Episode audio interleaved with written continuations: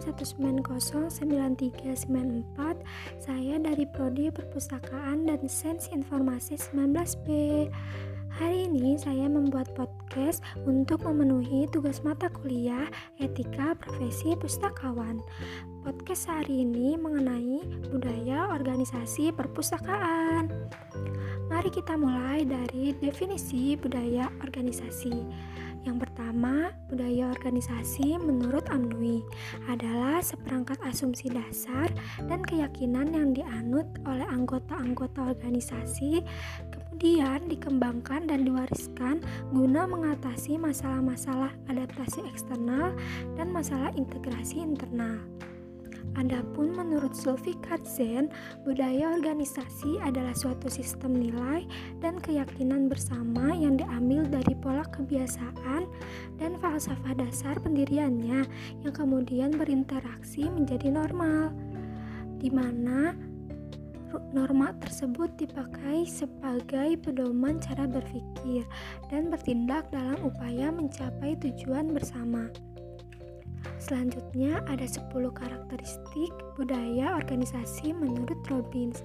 Yang pertama, prakarsa personal menyangkut kebebasan berinisiatif, berpendapat, mengemukakan ide, dan berkarya yang dilandasi dengan penuh rasa tanggung jawab demi kemajuan lembaga.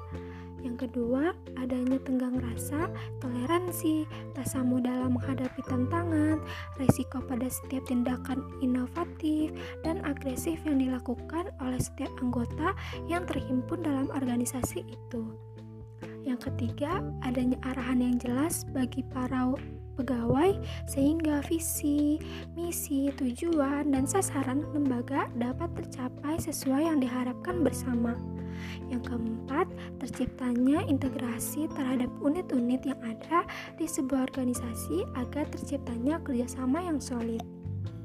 Yang kelima, support penuh dari pimpinan dan manajer terhadap bawahan, sehingga terjalin komunikasi dua arah yang harmonis.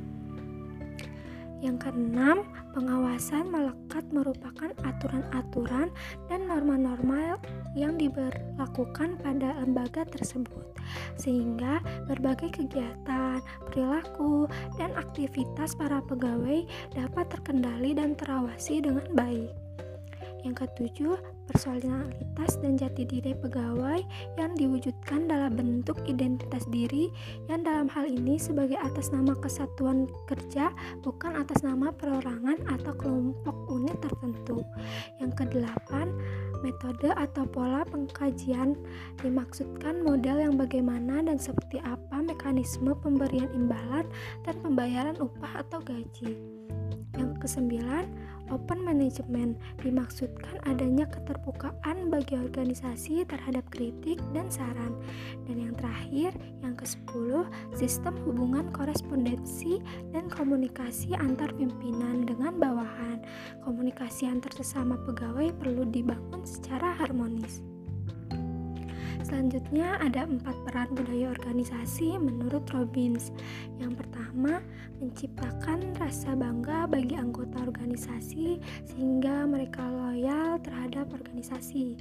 Yang kedua, terciptanya ketertarikan pada organisasi bagi setiap anggota sehingga melahirkan rasa tasamu dan mengutamakan kepentingan organisasi daripada kepentingan pribadi. Yang ketiga, membuat strata sosial sehingga terjalin hubungan sosial yang erat di antara para anggota organisasi yang pada akhirnya akan tercipta rasa persatuan dan kebersamaan. Dan yang terakhir, yang keempat, berfungsi sebagai alat kontrol bagi pegawai sehingga sikap dan perilaku pegawai dapat terawasi dengan baik. Dan yang terakhir, ada pentingnya budaya organisasi di perpustakaan. Budaya organisasi yang ada dalam per, dalam organisasi perpustakaan dijadikan sebagai acuan oleh petugas dalam berperilaku. Dalam lingkungan organisasi perpustakaan terdapat norma, nilai, dan aturan yang harus dipatuhi oleh seluruh anggota organisasi. Apabila anggota organisasi mampu menyelesaikan masalah perilaku, maka hal itu merupakan imbalan tersendiri yang membuat anggota merasa percaya diri, mempunyai harga diri, dan kemampuan diri, sehingga akan mendorong individu untuk berkinerja tinggi. Sekian dari saya, semoga podcast yang saya sampaikan bermanfaat. Terima kasih.